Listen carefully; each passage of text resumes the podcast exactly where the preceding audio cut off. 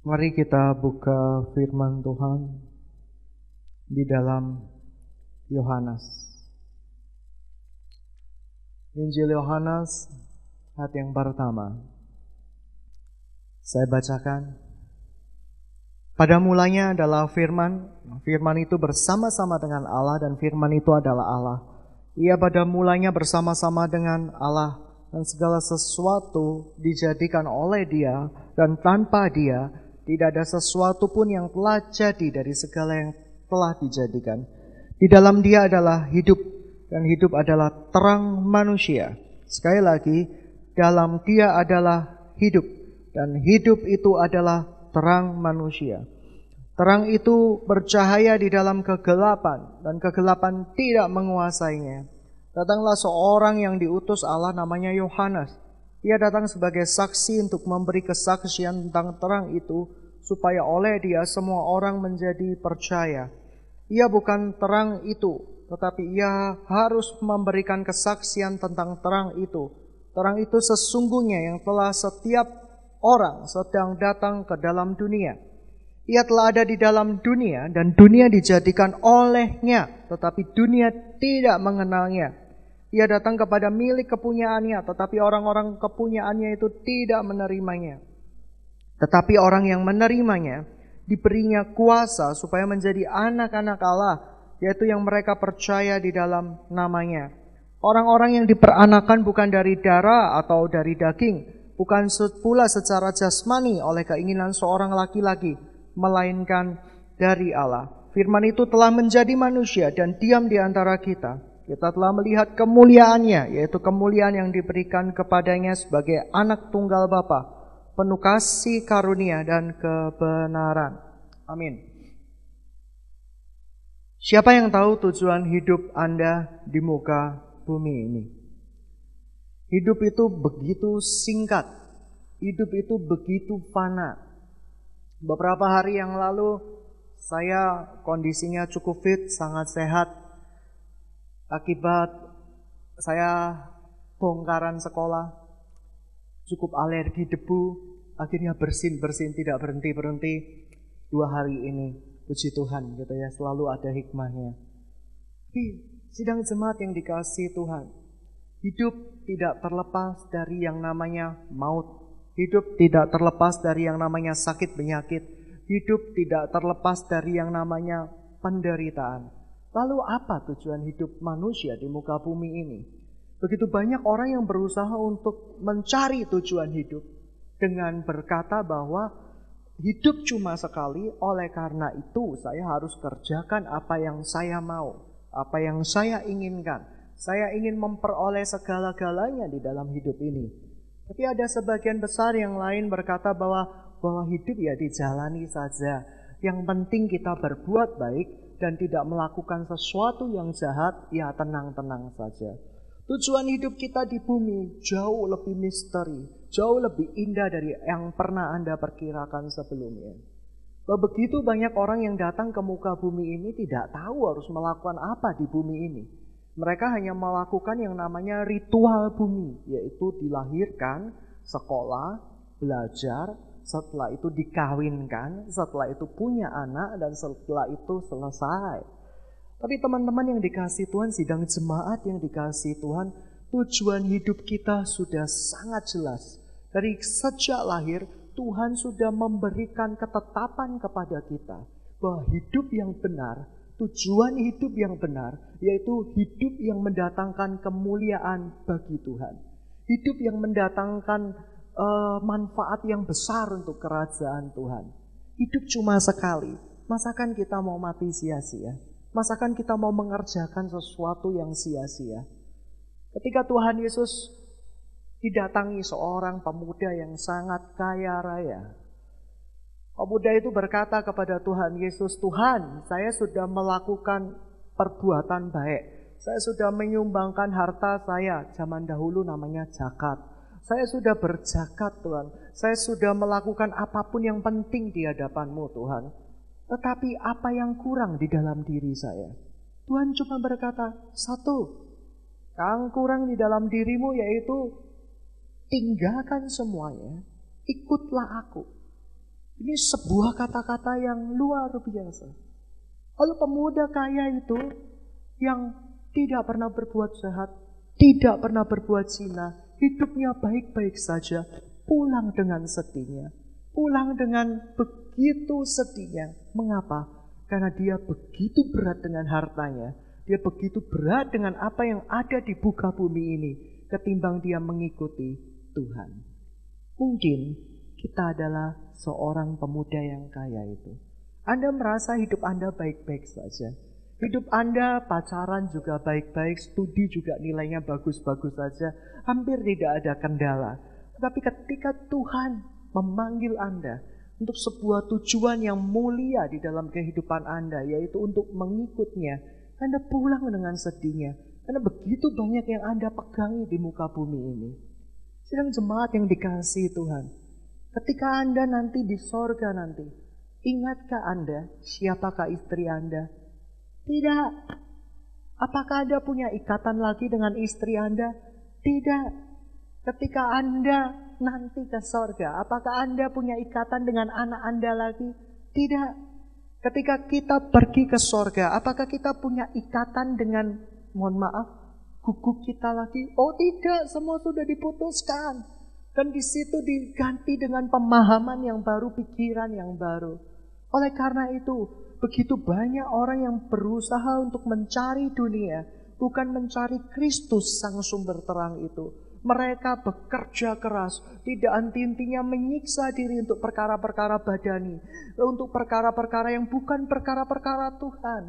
Oleh karena itu, jikalau Anda hari ini mau menerima hadiah Natal yang terbesar, yang belum pernah Anda terima, Anda harus memahami konsep bahwa hidup di muka bumi ini sangatlah fana.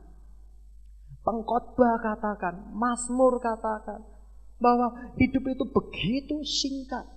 Bahkan pengkhotbah berkata bahwa hidup itu seperti embun menguap sebentar, terus lenyap, tidak berbekas, dan tidak ada sisanya lagi. Oleh karena itu, saya katakan seperti kebenaran firman Tuhan, hidup itu sangat singkat.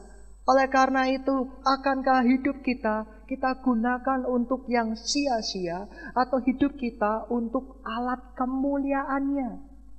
Begitu banyak orang yang tidak paham bahwa mengikut Tuhan kita sering kali mendengar Injil bahwa mengikut Tuhan itu pasti senang, mengikut Tuhan itu pasti happy, mengikut Tuhan adalah sesuatu yang pasti diberkati. Kita mendengarkan Injil-Injil yang menguntungkan diri kita, yang menjadikan kitab Injil ini sebagai sebagai sumber keuntungan bagi kita.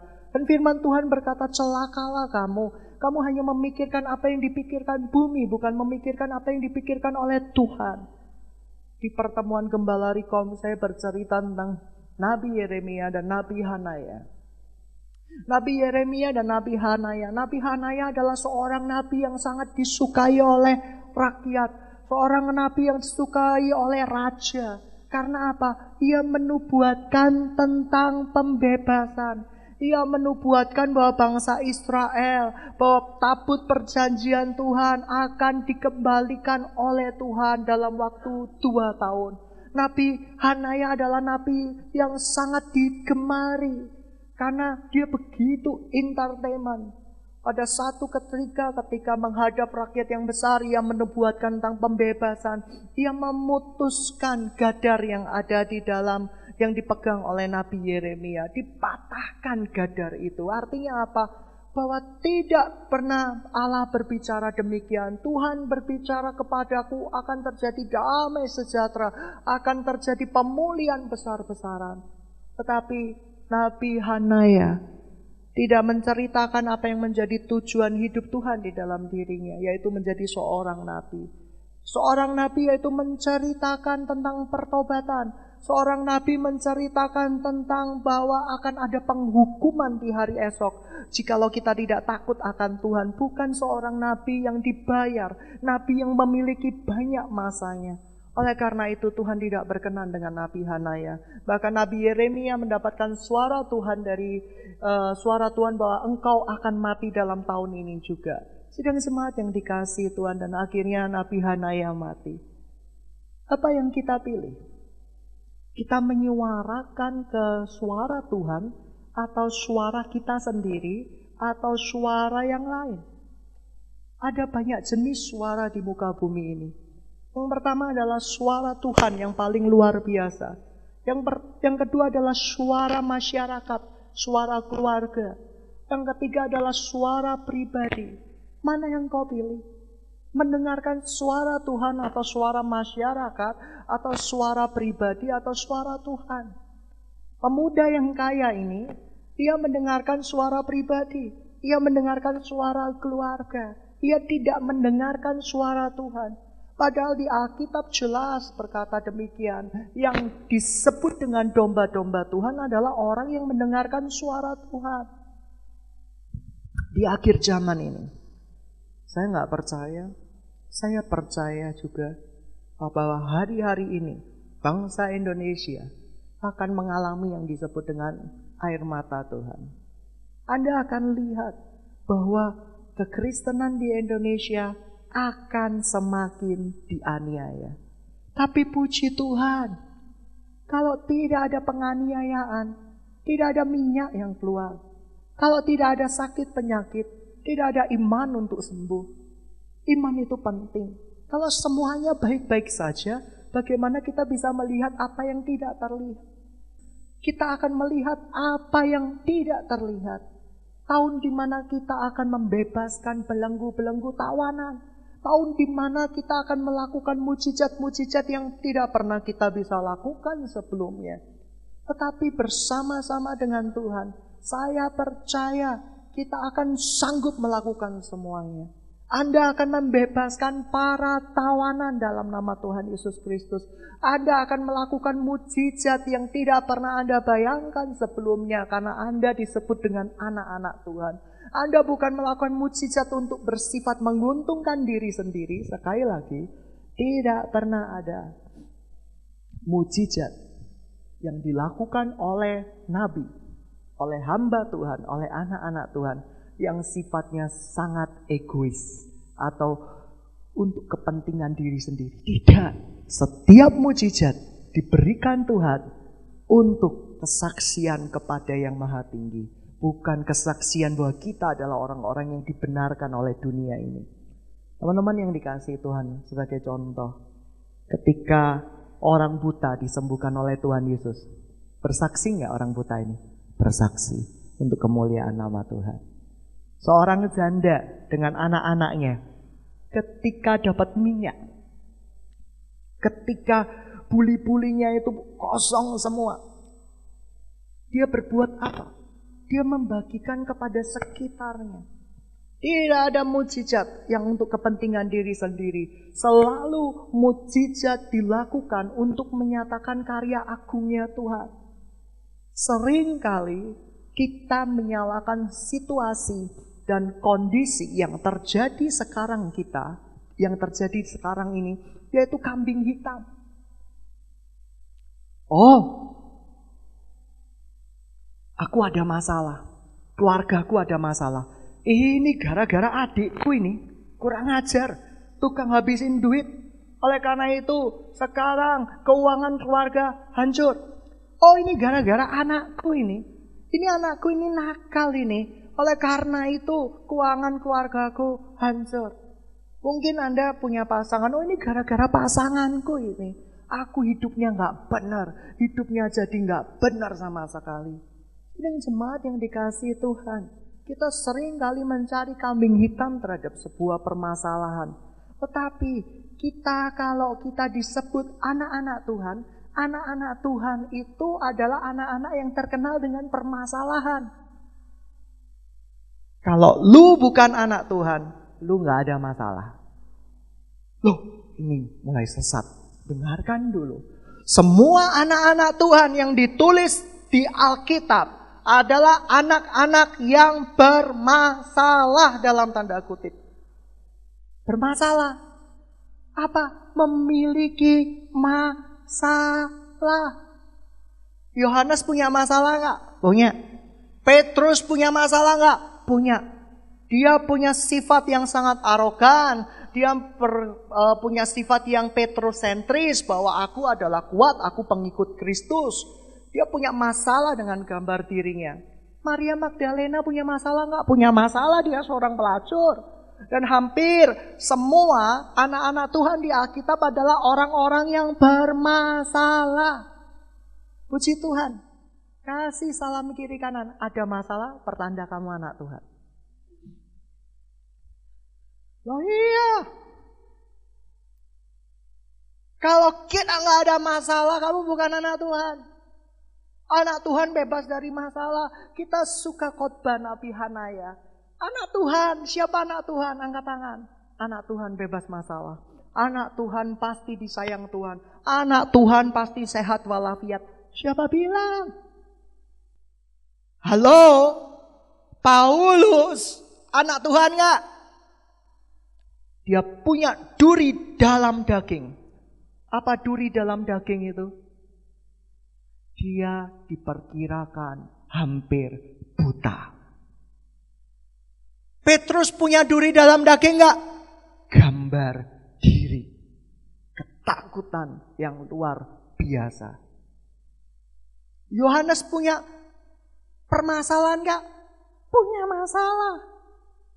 Para rasul, kalau Anda pelajari kehidupannya ada yang dibakar, dijadikan sop rasul, dijadikan sesuatu yang uh, kepalanya dipenggal, ada yang direbus dengan kaki, kaki di atas, kepala di bawah, gitu ya.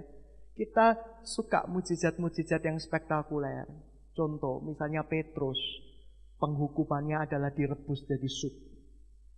Kita selalu kepingin mujizat yang kita inginkan, bukan yang Tuhan inginkan. Sekali lagi, mujizat bukan seperti yang bayangan kita, tetapi bayangan Tuhan. Tuhan punya jauh visi ke depan. Ketika para rasulnya dikumpulkan di dalam sebuah tempat, mau dibakar oleh suku-suku pedalaman, kita mengharapkan mujizat. Ketika para rasul itu dimasukkan di dalam bak besar mau direbus dijadikan sop, para rasul itu berteriak, "Hei, ini sauna, nikmat sekali, tambahkan apinya." Oh, kita senang dengan mujizat-mujizat seperti itu. Kita bertepuk tangan dengan mujizat-mujizat seperti itu. Tetapi lupa, para rasul melakukan mujizat yang paling besar di akhir hidupnya. Apa? Ia mempertahankan imannya dan tidak ditemukan keluh kesah di bibirnya. Mujizat yang terbesar bukan Anda disembuhkan. Tempat ini begitu banyak mengalami pemulihan Tuhan. Orang mati aja bisa dibangkitin. Orang yang koma aja bisa sembuh. Tetapi yang jauh lebih penting, jauh lebih luar biasa, yaitu apakah di akhir hidup kita, kita tetap mempertahankan iman kita bahwa Tuhan adalah satu-satunya Tuhan, bahwa Yesus adalah satu-satunya Tuhan, dan Dia adalah anak Tuhan yang hidup, anak Allah yang hidup. Kita suka mujizat yang luar biasa. Tiba-tiba orang sumbang gereja ini dengan lima ton emas, ya kan? Lima ton emas tiap hari, Freeport kalah kali ya, gitu ya seperti itu. Jadi wah suka, dan kita bersuka cita. Tetapi mujizat yang paling besar yaitu ketika anak-anak Tuhan yang ada di tempat ini walaupun mengalami masa-masa yang sulit, walaupun mengalami masa-masa yang sukar, dia tetap berkata kepada Tuhan, "Aku tetap setia, Tuhan." Wow, itu sesuatu yang tidak dimiliki oleh anak-anak di luar anak-anak Tuhan. Inilah buktinya bahwa engkau adalah anak-anak Tuhan. Engkau tetap mengikut Tuhan apa pun yang terjadi di dalam kehidupanmu. Kita semua punya masalah. Jangan cari kambing hitam terhadap permasalahan yang ada. Tetapi mari kita mengundang Tuhan Yesus untuk hadir di dalam kehidupan kita, untuk berkuasa atas masalah-masalah kita, Sebab dia tahu cara penyelesaian yang jauh lebih baik dari apa yang pernah kita pikirkan. Penyelesaian dari sebuah permasalahan bukan menang lotre. Penyelesaian dari sebuah permasalahan bukan menang undian BCA, no. Penyelesaian dari sebuah permasalahan yaitu ketika kita menyerahkan semua masalah kita di hadapan Tuhan. Dan kita pasrah Tuhan mau buat apa. Tetapi Anda tidak boleh curiga dengan Tuhan. Tuhan selalu menyediakan yang terbaik buat kita. Ia mendisiplin kita, ia mendidik kita. Ketika Anda meminta mujizat Tuhan, aku mau merit ini Tuhan. Aku belum punya apa-apa Tuhan. Sepeda motor aja enggak punya Tuhan. Sepeda ontel juga enggak punya Tuhan.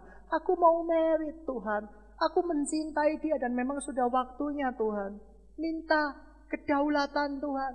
Minta suara Tuhan. Minta Tuhan paksa diri kita untuk mengikuti rencananya yang mulia. Dipaksa Tuhan itu indah. Dipaksa Tuhan itu luar biasa. Dipaksa Tuhan artinya Tuhan tahu yang terbaik buat engkau. Puji Tuhan. Saya suka kalau kita dipaksa Tuhan. Dipaksa Tuhan artinya Tuhan berdaulat penuh atas kehidupan kita. Teman-teman yang dikasih Tuhan, Anda bermasalah, puji Tuhan, Anda anak Tuhan.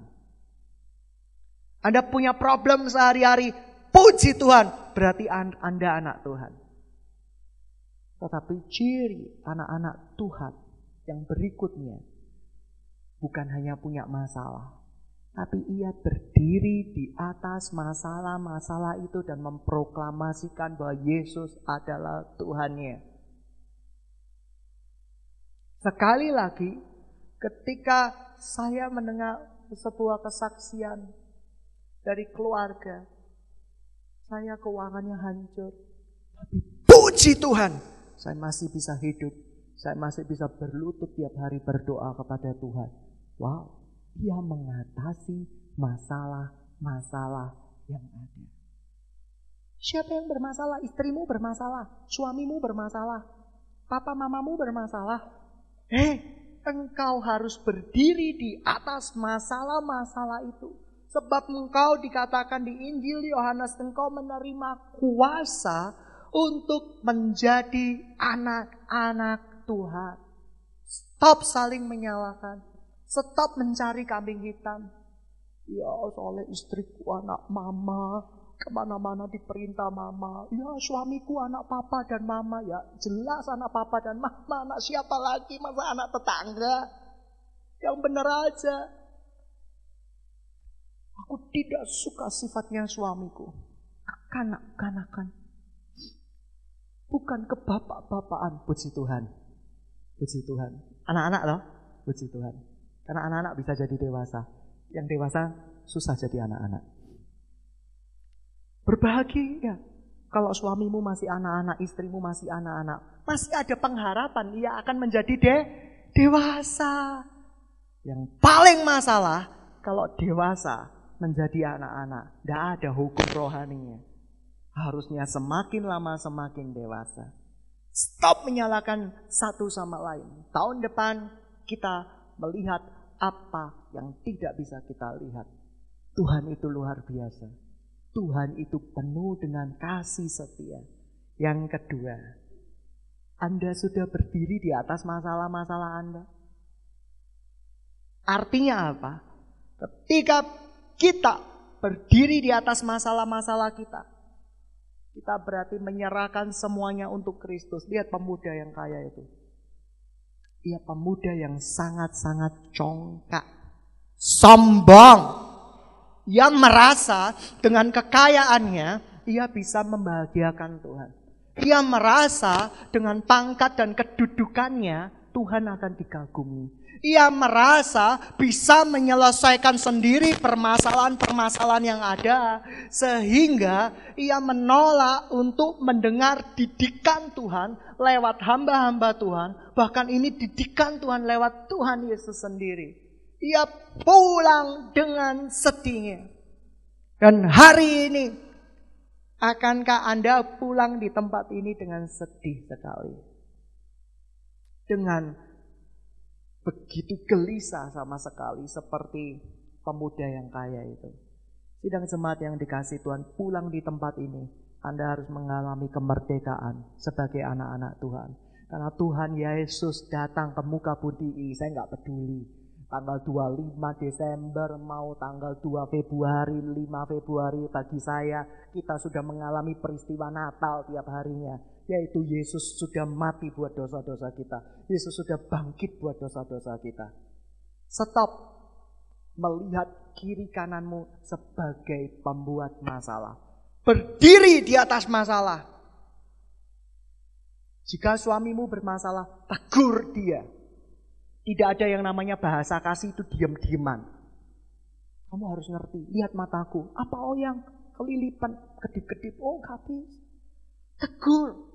Anda punya bibir, tegur. Tapi dengan cara-cara yang berkenan di mata Tuhan. Jangan tunjuk-tunjuk matanya. Matamu itu loh ya. Wah gitu ya. Bilang. Suami. Saya tidak suka. Kalau engkau adalah menjadi pria yang tidak bertanggung jawab. Mulai sekarang kamu harus berdoa. Kita harus berdoa sama-sama bertanggung jawab. Kita tidak bisa cuma lihat suami kita dan berkata, tahu nggak kenapa aku marah? Gak tahu. Ya, baru ngomong ya. Kalau setelah kamu tahu baru ngomong ya. Kamu menjadikan suamimu ahli-ahli nujum. Dukun. Kita sering kali seperti itu. Dengan teman spesial kita, dengan kakak-kakak rohani kita, dengan domba-domba kita. Kita seperti itu. Tahu nggak Cece marah apa? Sampai kamu tahu nanti Cece kasih tahu. Stres ini. Kita punya banyak permasalahan di area situ. Kita punya permasalahan dengan area gambar diri kita. Kalau kamu punya masalah, cerita. Tuhan Yesus ada masalah, dia tegur Petrus langsung. Kalau dia punya sesuatu yang unek-unek yang tidak enak, dia langsung menyatakan, tetapi dengan koridor kasih, tidak membenci. Ada punya masalah? Gembalanya di sini punya masalah, datang. Kamu pikir gembala tempat ini ahli nujum. Lihat mata saya, fokus gitu ya. Oh, Sylvia ada masalah sama saya. Saya lupa bayar 5 ribu. Enak kalau kayak gitu. Lihat Niki, oh Niki ada masalah sama saya. Ada masalah. Masalahnya apa? Dia tidak tahu masalahnya apa sama saya. Gitu ya, seperti itu. Oh, kita bisa menjadi orang yang sakti mandraguna. Eh, yang benar aja. Anak-anak Tuhan kagak seperti itu. Kalau tahu gembalanya bermasalah, datangi. Kok, Pak, kek, terserah lah gitu ya. I have problem with you. Kenapa? Jelaskan Mengapa Anda mengambil keputusan ini? Jelaskan mengapa Anda mengganti dekor gereja. Saya tidak suka, bukankah kita hidup dengan kesederhanaan? Kenapa Anda ganti dekor gereja? Oke, saya akan mencoba menjawab. Kebetulan ada dana, dan kebetulan untuk mempercantik gereja. Seperti. Lu katanya lebih baik dekor gereja ini untuk mempersembahkan kepada janda-janda miskin dan panti asuhan. Tolong jelaskan pada saya. Saya akan jelaskan dengan baik. Anda tidak bisa berharap saya mengerti semua permasalahan Anda. Saya bukan Tuhan. Puji Tuhannya saya bukan Tuhan Anda. Tapi Tuhan Yesus tetap Tuhan Anda. Amin. Ambil. Kalau saya Tuhan Anda, cilaka semua. Tidak bisa masuk surga semua. Tapi puji Tuhan Yesus Tuhan kita semua. Amin. Yang kedua, kita berdiri di atas masalah-masalah yang ada. Artinya apa? Setiap hari kamu ngaku dosa nggak di hadapan Tuhan? Saya setiap hari ngaku dosa. Tuhan, ampuni saya. Sudah nggak ngaku dosa? Saya minta maaf sama Tuhan. Tuhan, ampuni. Seringkali saya salah ngomong, sering kali saya keras, sering saya sering kali telinga saya merah kayak suku Indian Tuhan belajar saya lebih sabar, lebih indah di hadapan Tuhan. Luar, luar biasa. Kita masih manusia, amin. Amin. Sudah nggak kamu ngaku dosa tiap hari yang sudah ngaku dosa tiap hari angkat tangan?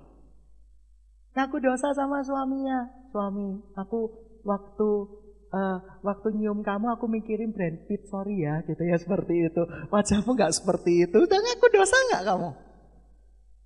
Tiap hari kita mengaku dosa. Tuhan, saya sudah sombong, Tuhan. Saya berusaha menyelesaikan permasalahan-permasalahan saya dengan cara saya sendiri. Ada seorang ibu-ibu, dia punya permasalahan. Saya dapat dari Tuhan. Ini sekali lagi, ibu yang nggak kenal Tuhan, Pak Daniel. Saya ini nggak kenal dari Tuhan. Saya itu gak kenal Tuhan saya, gitu ya. Wes, itu SMS yang pertama. SMS yang kedua, Pak Daniel, saya dapat suara dari Tuhan. Ya, katanya suara itu saya harus pinjam. Untuk melunasi utang-utang saya, saya harus buka arisan lima, Pak Daniel, gitu ya. Saya bingung kontradiktif sekali ibu ini.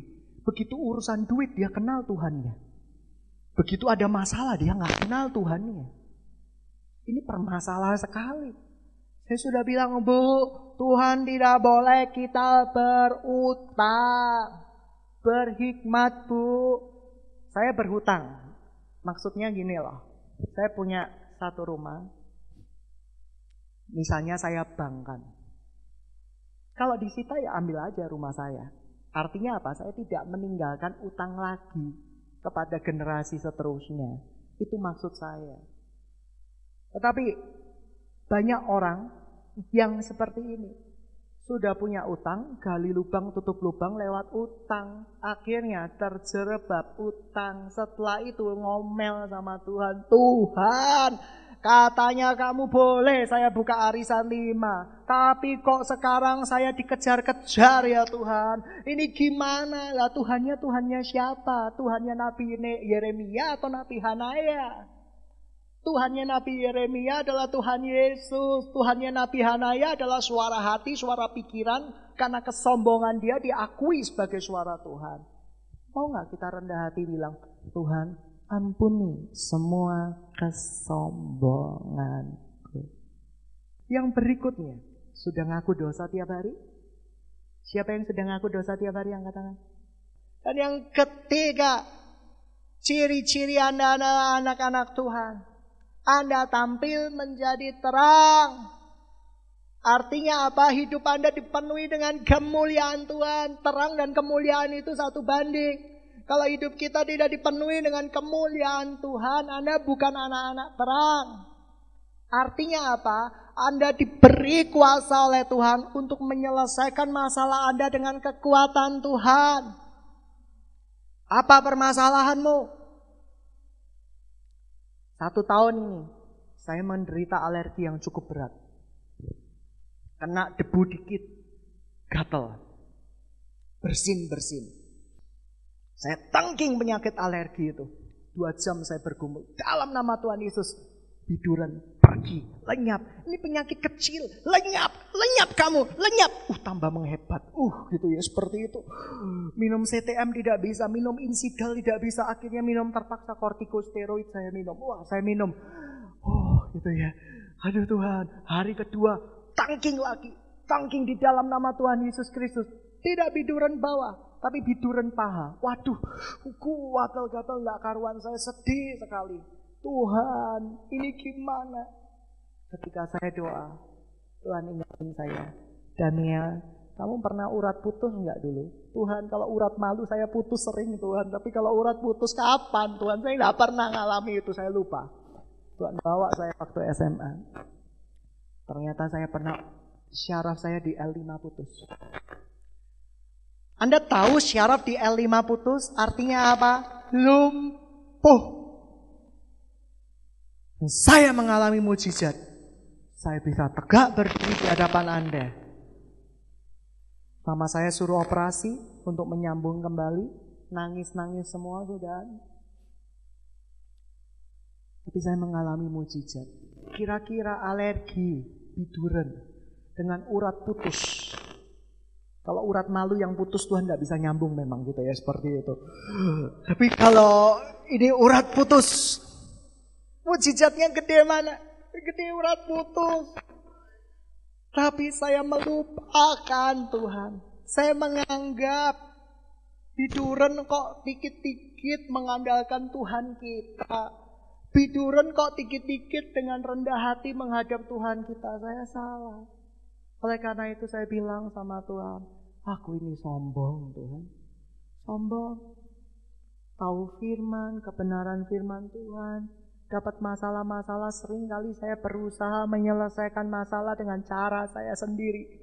Tiga adonan CTM, insidal, kortikos jadi satu akhirnya saya terkapar.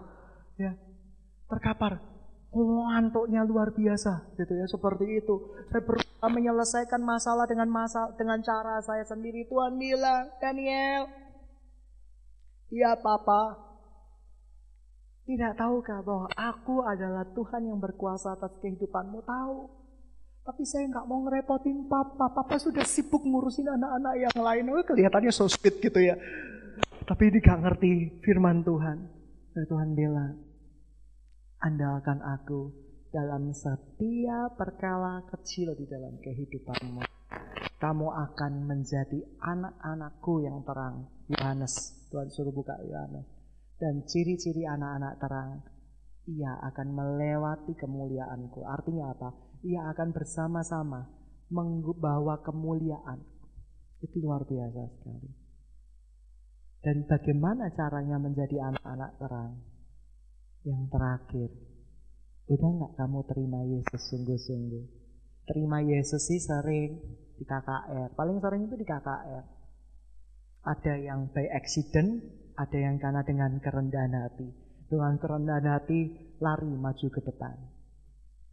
Lari maju ke depan. By accident kepepet, didesak orang dari belakang. Nah sebelahnya pingsan semua, kita pura-pura pingsan. Gitu ya, seperti itu. Yang kedua, oh saya mengalami kemuliaan Tuhan. Ada yang rebah karena kemuliaan Tuhan. Amin. Amin. Sudah rebah. Ada yang rebah karena efek domino. Karena depannya rebah, belakangnya rebah semua. Oh, iyalah, itu efek domino.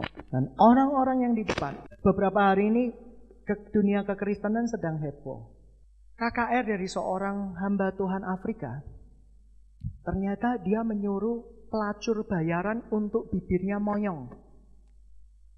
Itu baik. Terus tiba-tiba dia sudah sembuhkan. Ternyata pendeta itu sudah tidur dengan pelacur itu. Dan pelajar itu dibayar hari-hari ini kebongkar. Dan orang-orang yang di depan, yang robo-robo, kalian jangan melihat suatu kejadian itu spektakuler semua, enggak loh. Yang robo-robo di depan ternyata itu adalah orang-orang yang sudah dilihatin video-video hamba Tuhan itu. Ini ya, nanti aku ketika kibaskan badan ini rebah-rebah-rebah semua. Dan orang-orang yang di depan itu sudah dikasih video itu kurang lebih beberapa kali. Jadi pikirannya terstimulasi. Dan benar, ketika hamba Tuhan itu khotbah tangannya ditembang ini jatuh semua. Yang depan, anehnya yang jatuh itu depan dulu. Jeret, seperti itu. Karena jatuh yang ke depan, yang lainnya efek domino. Jedek, jedek. Tahu itu efek domino? Sentil aja yang paling depan. Tik, trik, trik. Itu sih trik psikologi murahan. Dan orang berseru-seru, Yesus pembebas luar biasa. Tapi teman-teman yang dikasih Tuhan, Maukah kita mendengarkan suara Tuhan seperti Nabi Hanaya? Kemurnian itu penting. Buat apa aksi-aksi seperti itu kalau bukan Kristus sendiri yang hadir di dalam hidup mereka? Aksi-aksi itu akan menjadi sebuah sirkus rohani.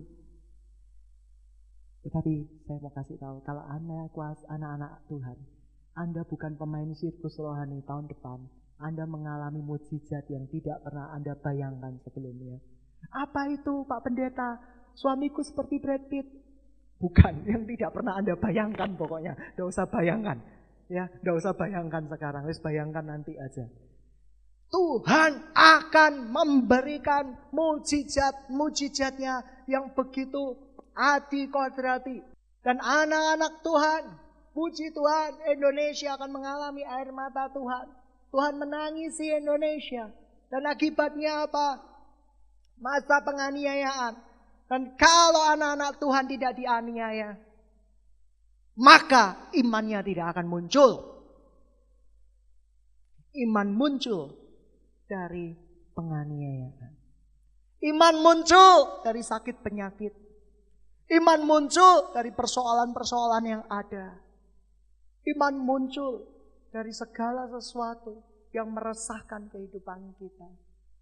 Dan ciri yang terakhir, dari anak-anak Tuhan adalah anak-anak yang penuh dengan iman. Anda akan melangkah dengan iman. Tahun depan Anda melangkah dengan kepastian. Tidak usah bingung. Dipaksa Tuhan, minta Tuhan, paksa aku Tuhan. Ke mana saja aku siap setia Tuhan. Pimpinanmu tidak pernah bersalah. Dan ciri dari anak-anak Tuhan karena dia adalah anak-anak terang. Ia bisa menunjukkan kemuliaannya kepada Tuhan. Artinya apa? Kemuliaan Tuhan yang ada di dalam dirinya itu bisa ditunjukkan kepada banyak orang. Sudah anda Anda memproklamasikan iman Anda setiap hari kepada yang lain. Bahwa Yesus Tuhan, Yesus berkuasa atas hidup Anda.